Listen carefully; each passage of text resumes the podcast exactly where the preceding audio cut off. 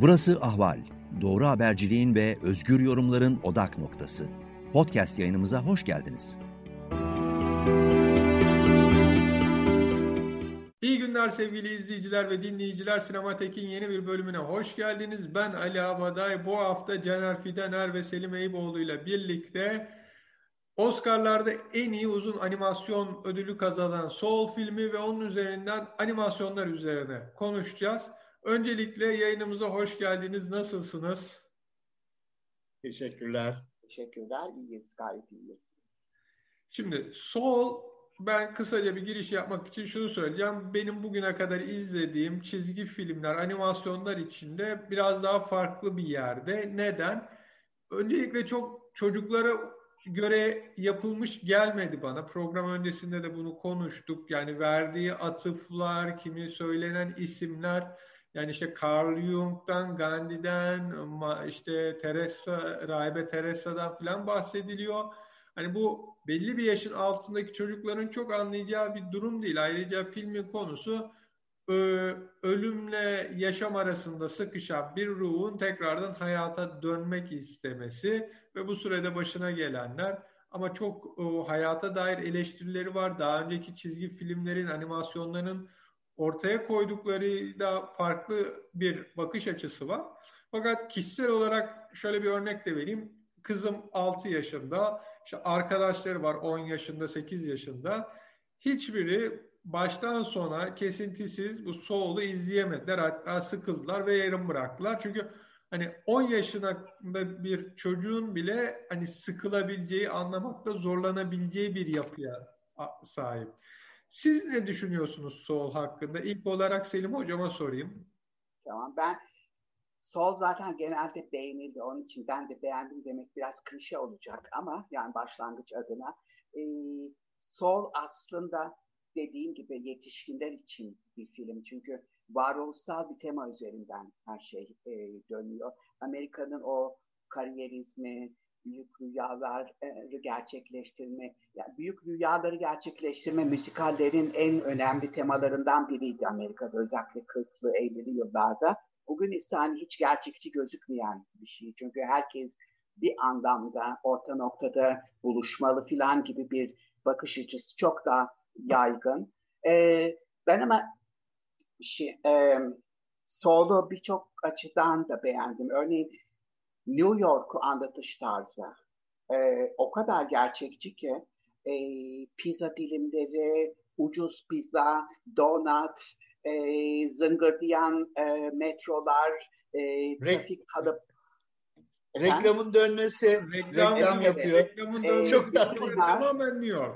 Çok gerçekçi. Bunlar yetişkinler için. Hatta şeyde çok hoş bir e, şey vardı buna atıp vardı New York Times'ın e, sol hakkındaki yazısında. Yani bütün bunlar aslında bir tür yaka silktiğimiz şehir hayatının gürültüsü, bir sayfiye yerine gidelim falan gibi bakış açısı varken pandemiden sonra ne kadar bunlara ihtiyacımız varmış, ne kadar özlemişiz dedirtecek kadar gerçekçi, hoş bir şekilde karikatürleştirilmiş bir New York e, tablosu çiziyor diyor ve şöyle bir şey de ekliyor. Yani bu film ölüm hakkında olabilir, bu film başka filmleri gönderme yapıyor olabilir ama aslında bu film aynı zamanda bir New York filmi. Çünkü neredeyse güneş ışığının düşmesi ve gölgelerine kadar fotoğrafik bir gerçekçilik de var mizanseninde.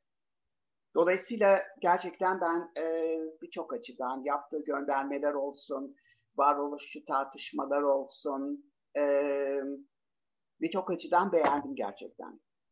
Ben o zaman bu şeyi bir paranteze alıyorum gerçekçilik kısmını. Buna tekrar dönmek istiyorum bir zaman sonra. Ben de istiyorum evet. Caner Hoca Caner hocama soruyorum. Hocam siz nasıl buldunuz Sol filmini? Valla e, felsefi katmanı oldukça yoğundu. Hani genel olarak animasyon camiası içinde düşünürsek e, hatta o son 20 dakika bayağı hoştu. Yani benim gözlerim doldu öyle diyeyim e, çok e, güzel anlattığını düşünüyorum. Her ne kadar hani e, klişe yok muydu vardı.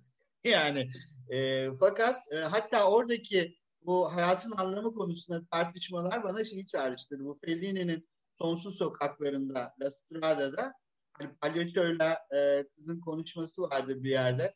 Yıldızların bir manası olduğuna göre bu çakır taşının da bir bu evrende bir yeri olmalı. Hani mealen söylüyorum diye e, adeta o orayı hatırlattı ve her ne kadar e, uzaktan baktığında bir kişisel gelişim dersi gibi düşünülse de düşünülebilirse de sonuçta klasik bir öyle işte öğüt veren şey yapan e, hedef gösteren falan bir şeyden daha derindi diye düşünüyorum. Şey dikkatimi çekti bu Marraine ile enteresan bir karakter benzerliği vardı.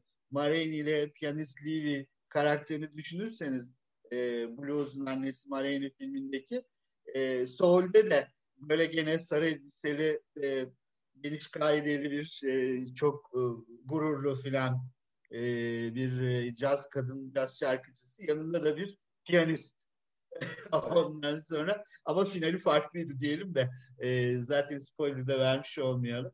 E, hoş filmdi Soğulu. Fakat şeyi ben belki Selim Hocam da e, Ali de şey açık getirebilir. Yani animasyon dediğimizde e, ilk bakışta sanki böyle çocuklara yönelikmiş gibi mi düşünüyoruz? Aslında e, belki de e, animasyon genel olarak doğrudan doğruya bir tür yani genel bir e, dünya olarak düşünülebilir ve e, yani aynı çocuklara yönelik gibi yapılan bir film büyüklere de hitap edebilir. E, böyle bir yaş ayrımı olmaya da bilir belki. Hani fantaziyi düşünün mesela. Şunu anlatabilirim. Los Angeles'ta Disney'in fuarına katıldım ben. Yani evet. e, sondan ikinciydi bu Covid öncesi. Ve orada da şöyle bir şey. İki gece boyunca biz o Disney'in şey fuarının yapıldığı yerin en alt katında böyle 1000-1500 kişi bir arada sabahladık. Yani orada yatağını getiren, şişme yatağını getirenler oh.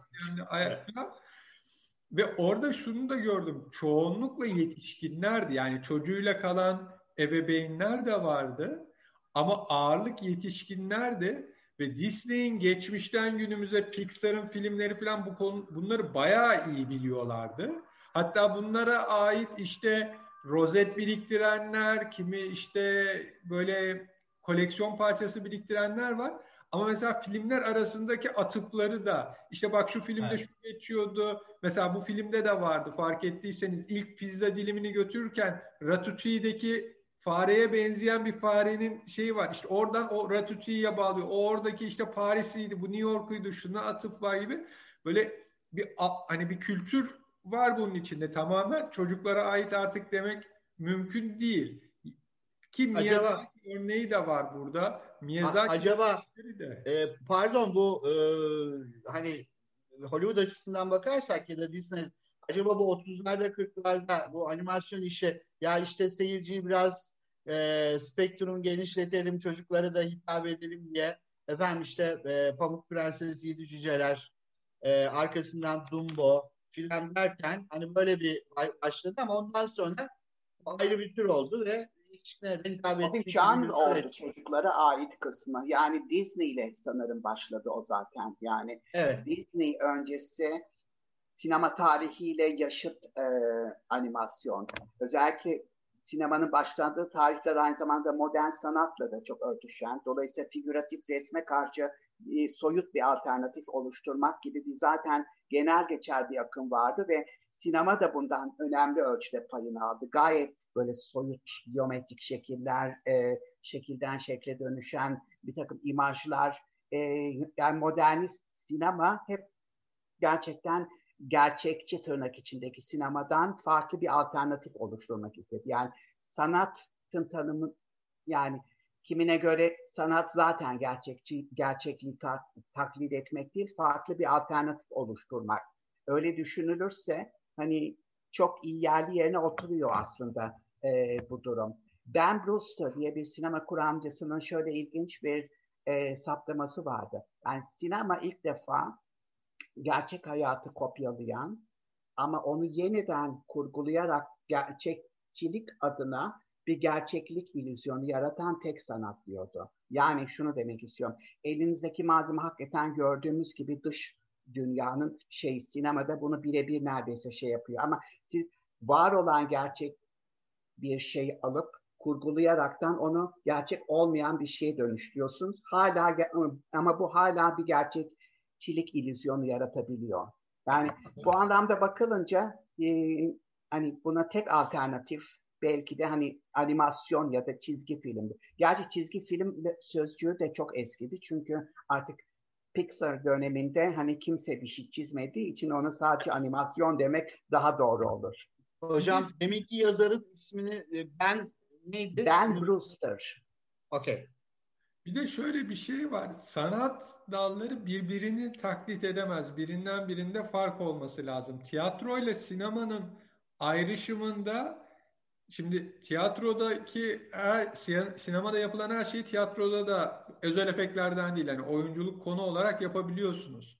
Ama mesela tiyatroda bir kişi sahnede iki dakika hiç hareketsiz dururken filmde tek bir karede iki dakika hareketsizlik çok kabul edilebilen bir durum değil. Seyirci sıkılıyor ama çizgi film tiyatroda yapamayacağınız bir şey ya da animasyon artık. Yani sinema ile tiyatro arasındaki ayrımı da bir noktada belirleyen bir unsur gibi ben hep düşünmüşümdür. Yani İyi, ekleyebilir miyim? Ee, hocamın söylediklerinden. Bu a, animasyonlar başlarken adeta folklordan e, de kaynaklanıyordu. Masallardan. Hani Pamuk Prenses ve Cüceler de sonuçta bir folklor öğesini alıp çizgi filmi yapmıştır. E, hani bir e, alandan başka alana göç etme gibi. E, burada hemen bir e, zamanında kadri kıymeti bilinmemiş olduğunu düşündüğüm bir kadın e, animasyoncunun adını hatırlatmak istiyorum şeye, e, izleyicilere. Lotte Reineger'i bulun ve izleyin arkadaşlar. 1926 tarihli e, Prens Ahmet'in maceraları 81 dakika. Bu kadıncağız 20'li 30'lu 20'li yıllarda Almanya'da kağıtları keserek e, tek tek e, kareleri çekerek stop motion diyoruz herhalde ona. O şekilde gölge sineması denmiş o zaman. Böyle çok hoş ürünler ortaya koymuş. E, 7 dakikalık bir de Carmen'i var. Başka kısa filmleri de var ama bu ikisini söylemiş olayım. Sonra Naziler gelince işte e, Almanya'dan çıkıyor. Epey bir dolaşıyor kocasıyla. Sonunda ABD'ye yerleşiyor film ama e, aynı zamanda filmlerinde feminist bakışı da e, yansıttığını hatırlatayım. Carmen'de mesela final başka bir finalle e, bitiriyor e, şeyi Carmen'i e, diye onu söylemiş olayım. Evet. Ben buradan şeye geçmek istiyorum öncelikle e, Caner Hocam da izin verirse. Selim Hocam'ın söylediği tamam. daha önce bu gerçeklik hikayesine. Şimdi biz çizgi filmlerin ya da animasyonun ilk dönemine baktığımızda böyle gerçeklikten hani o sizin de az önce belirttiğiniz gerçekliğin kurgulanmasından ayrıştığını görüyoruz. İşte e, canavarlar olabiliyor, prensesler, cüceler, onların masalsı bir hayatı işte e, Pamuk Prenses'in parmağına gelen kelebekler, şarkılar. Ama şimdi daha bir sanki gerçekliği öbür taraftan da soldan bahsediyoruz. Gölgeleri ne kadar gerçekçi işte pizza dilimleri. Selim Hocam siz bunu nasıl değerlendiriyorsunuz ya nasıl yorumluyorsunuz? Yani daha gerçekçiliğe dönmesini değil mi? Şeyin, evet, e, daha gerçekçiliğe anima- dönmesini animasyonların. E, şöyle aslında e, biraz geri gidip benim çok sevdiğim başka bir e, örnekle başlayacağım. Wallace and Gromit. E, çok başarılı bir e, iki, üç hatta dört belki şey var. E, sinema normal bir film uzunluğunda. Buradaki iki karakter e, Wallace tipik orta sınıf, hayatından bezmiş bir İngiliz. E, bütün o hayatın klişeleriyle yaşayan, örneğin evde peynir bitiyor. Peyniri bulabilmek için Ay'a gidiyorlar. E, Ay'da e, her bir taşı kestiklerinde farklı bir peynir. O İngiliz peynirleri, cheddar falan falan gibi. E, filmin bütün şey mesele Ay'a gitmek de değil. Yani o hayatın aşırı sıkıcı, yoğun e, e, akışına bir alternatif getirmek. E, ve ayda da aslında e, çöp gibi terk edilmiş bir şey var. Böyle bir para atılan bir makine var. O da dünyaya geri dönmek istiyor. O bir nevi bir canavar gibi sunuluyor Alien filmindeki yaratık gibi. Ama aynı zamanda o da bir tür sıkıntının, orta sınıf e, hayatının sıkıntısının bir parçası e, ona dönüşüyor filan. Şimdi bu tip temalar e, şeyde de var. E, Soul'da da var. Yani Soul karakteri aslında başarılı olmayan bir karakter, sıradan bir karakter. Son derece vasat bir okulda e, vasat öğrencileri müzik dersi veriyor. İdealinde e, Dorothea Williams isimli hip bir saksafoncuyla birlikte çalmak gibi bir düş var. E, ama hani bu çok uzak gözüküyor. Ailesiyle problemli, ailesi sürekli daha iyi bir iş bulması gerektiğini filan e, söylüyor. E, sonuç olarak e, hakikaten ilginç bir şekilde hayatın gerçekleri üzerine kurulu e, bir film.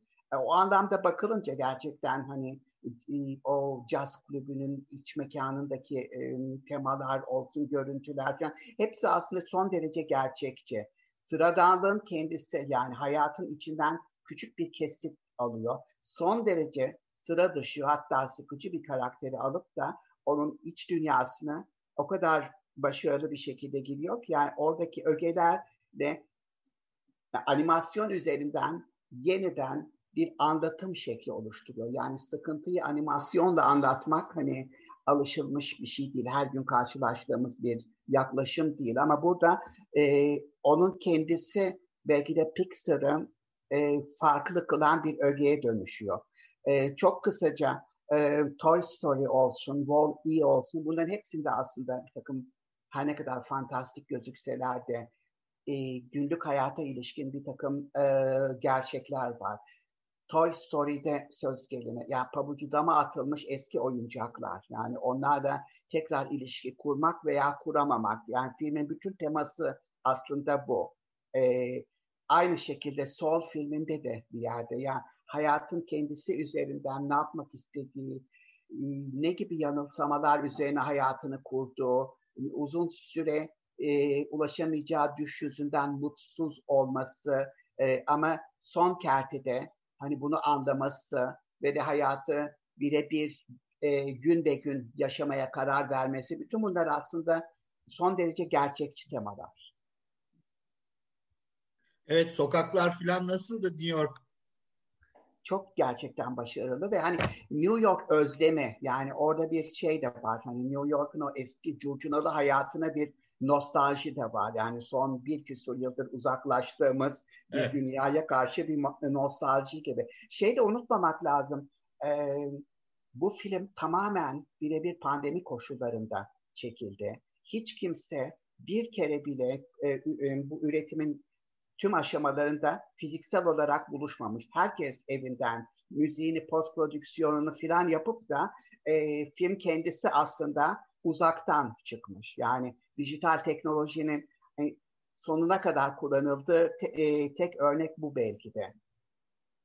Seslendirmede de bildiğim hani zaten karşılıklı gelmiyorlar ama içine rastlaşmamışlar. Evet, evet. Enteresan. Burada tabii evet. şey de önemli. Bugüne kadar hiç yapılmamış bir şey. Yani nedir filmler, çizgi filmler, animasyonlardan gördüğümüz esasında hepimizin dünyaya gelmesinin bir sebebi vardır. İşte hep bir hayalini kurduğumuz, e, ulaşmak istediğimiz hedef vardır. O hedefe ulaşmak için uğraşırız. O hedefe ulaştığımızda başarılı oluruz. Burada şunu görüyoruz.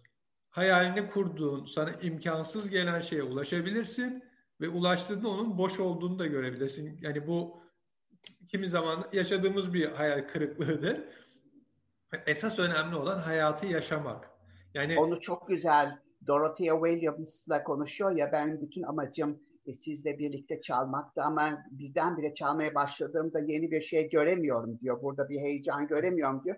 O da şey diyor hani küçük balık derin sularda yüzmeye e, cesaretine bir kere kazandıktan sonra büyük balığın yanına gidiyor ve ona e, söylüyor ki ya bu yine suymuş diyor. E tabii ki bu benim için her zaman suydu diyor büyük balık yani derin e, denizlerde yüzen.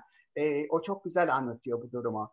Ya akvaryumla evet, okyanusun ikisi de su esasında gibi balık evet, açısından evet. çok güzel bir tanımıydı. Ben okyanusa gitmek istiyordum filan. Ne zaman gideceğiz okyanusa? E işte oradayız diyor. Ama bu su zaten çok hoştu. Arkasından o e, yapraklı işte o bir tane tohum düşüyor filan. Hani biriktirdiği küçük şeyler falan. O gerçekten e, varlık sebebi ya da işte varoluş sebebi üzerine güzel bir sekanstı. Berber şey e, konuşması da muhabbeti de aslında e, hani çok küçük bir filmle ilgili açıklama. E, ikisi de dünya önce 22 isimli karakter ha. ve bizim müzisyen yani vücut değiştiriyorlar e, bir şekilde ve e, şey normalde her gün alışa yani her gün bir haftada bir belki her neyse berbere gittiği yere gidiyor. Fakat içindeki kimlik 22 yani kendisi değil müzisyen değil. Dolayısıyla birdenbire hayatın anlamı, hayatın sıkıcılığı, hayatın klişeleri üzerine ilginç bir muhabbet başlıyor e, evet. orada. Ve herkes hani şaşırıyor, hiç beklemiyor ondan. Aynı şekilde anneyle konuşma da, yani annesiyle konuşmayı da 22 üzerinden yaptığı için hayat boyu söyleyemediği annesine her şeyi 22 birdenbire böyle yüzüne karşı söyleyince bütün o ilişkiler e, yıllardır kemikleşen e, ön yargılar filan her şey tepe taklak oluyor. Ve burada şeyi de görüyoruz.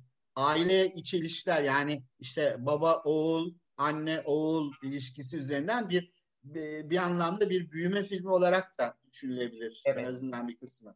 Yani Son işte, derece ödipal o anlamda da. Hani, ödipal. E, evet. Babasının elbiselerini giyiyor e, anneyle barışıyor filan e, bir tür yetişkin oluyor. O noktada gerçekten hani e, kaç yaşında olursa olsun çocuk kalmış bir karakter e, yetişkin olmaya doğru bir adım atıyor.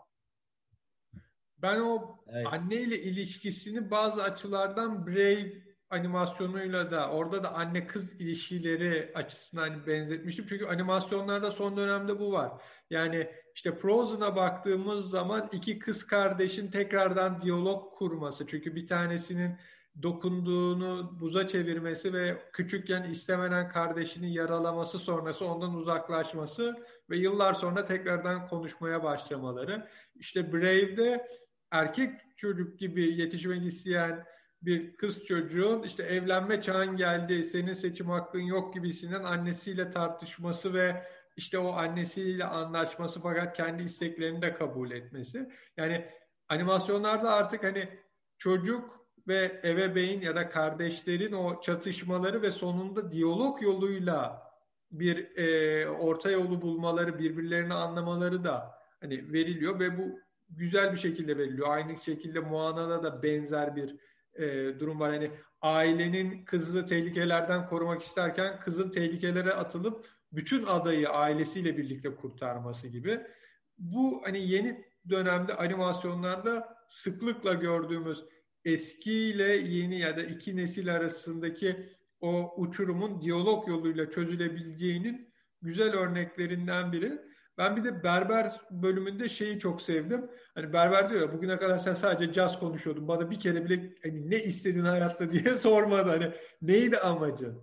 Yani hakikaten de eğer karşımızdaki kişiyi merak etmezsek, onunla ilgili bir şey sormazsak böyle bir durum yaşıyoruz. Bir anda karşımızda çıkan kişi bizi şoke ediyor. Ben buradan başka bir tarafa geçmek istiyorum. Şimdi Caner Hocam, bizim izleyicilerimizin sevdiği bir durum var. Siz genelde konuştuğumuz filmlere ya da işte janra göre örnekler veriyorsunuz veya diyorsunuz ki işte şunları da izleyebilirler. İşte e, demin Prens Ahmet'in maceraları ve Carmen örneğini verdiniz ama animasyonu çok ilgilenmemiş, yeni başlayacak veya işte farklı animasyon veya çizgi filmler izlemek isteyen izleyicilerimize hangi filmleri önerirsiniz? Böyle bir kısa listeniz var mı hızlıca sayabileceğiniz? Valla aslında tabii çizgi film deyince ya da animasyon deyince ilk akla gelen Miyazaki oluyor. Hani Japonya, e, Hayao Miyazaki. Ama onu tabii e, Miyazaki'yi konuşmak için ayrı program lazım. Buna ayrı Fakat ben sadece gerekir. nasıl? Buna ayrı bir program gerekir Miyazaki. Evet, ama Miyazaki'den bir tane ruhların kaçışını hatırlatmış olayım. Bir de o zaman ee, ben de şey ekleyeyim izninizle. E, komşum Totoro. Aa, komşum Totoro. Evet. Bu ikisini da, söylemiş olalım. Evet. Buyurun hocam devam edin lütfen. Ruhların kaçışı yani İngilizceden ararlarsa Spirited Away diye İngilizce bilinen adını da söyleyelim dünyada. Ama e, şeyden gene Japonya'dan ateş böceklerinin mezarı var. Grave of Fireflies diye. Fireflies. 1988'den o çok beğenilmişti. Gene e, Japonya'dan Marnie oradayken Marnie Was There 2014. Bunları da ben e, çocuk olsun, erişkin olsun. Hani Ateş Böceklerin Mezarı hoş bir isim değil tabii de orada da böyle savaşta öksüz yetim kalmış iki çocuk var e, ve çizgi film olarak iyi film. Fransa'dan iki tane örnek söyleyeceğim.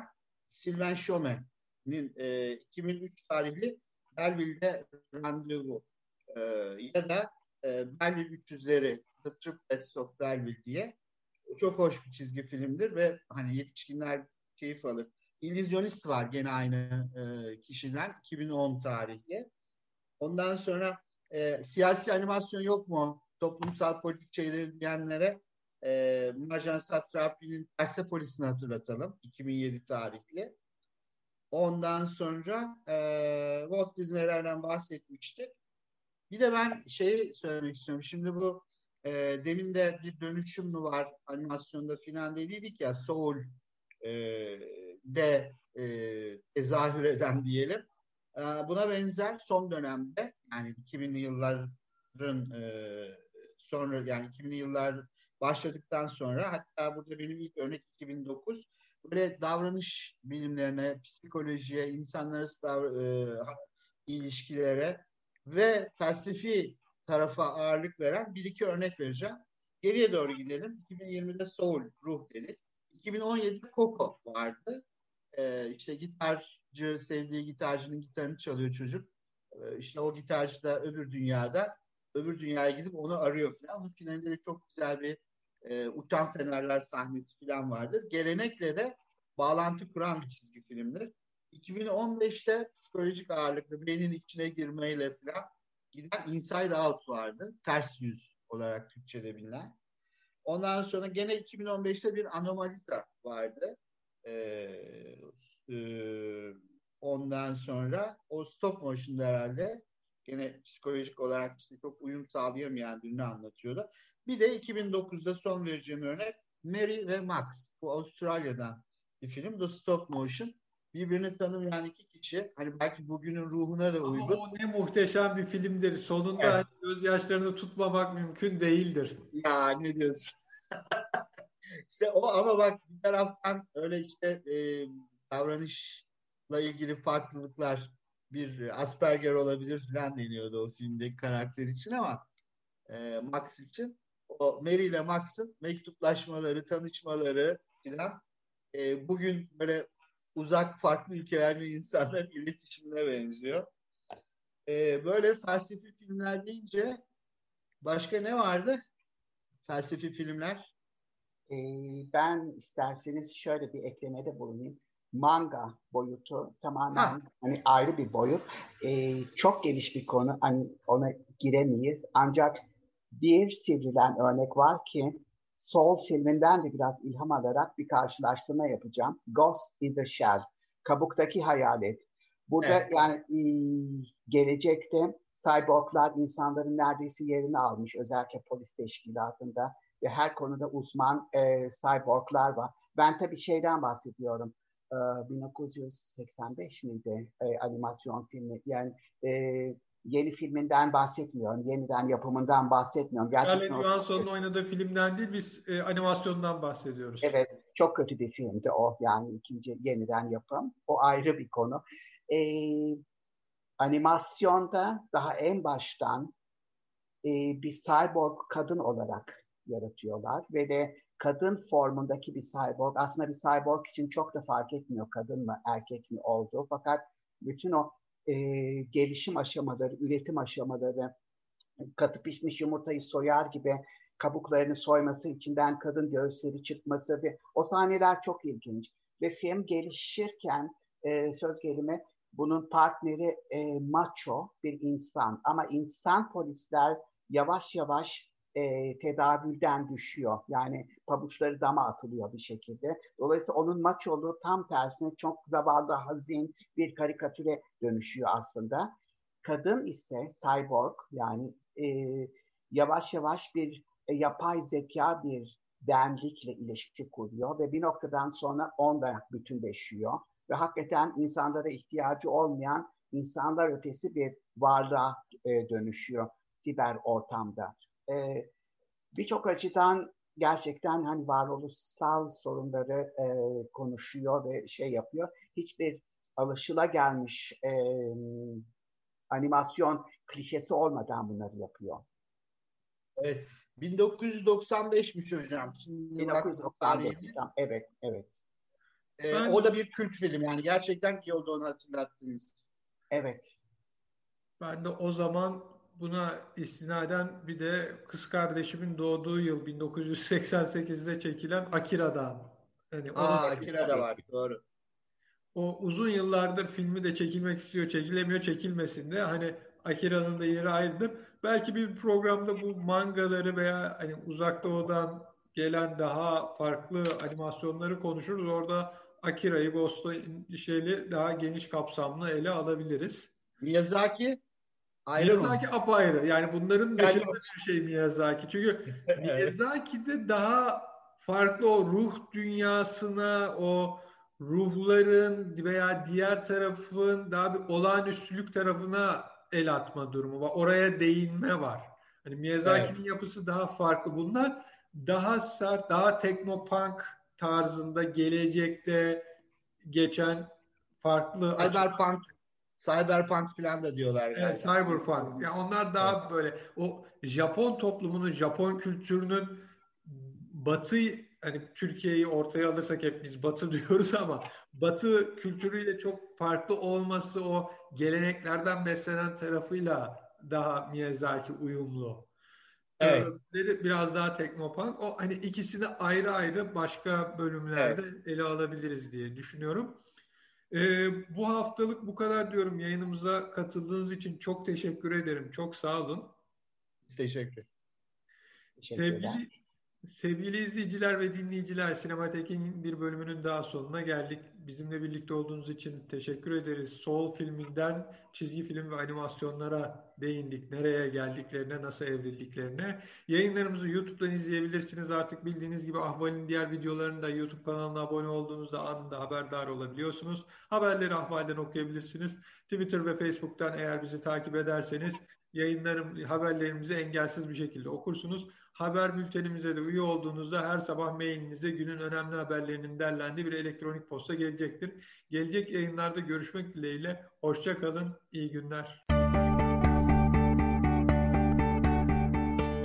Ahval podcastlerini tüm mobil telefonlarda Spotify, SoundCloud ve Spreaker üzerinden dinleyebilirsiniz. Apple iPhone kullanıcıları bize iTunes üzerinden de ulaşabilir. Türkiye'nin ve hayatın cıvıl cıvıl sesleri Ahval Podcast dizisinde. Kulağınız bizde olsun.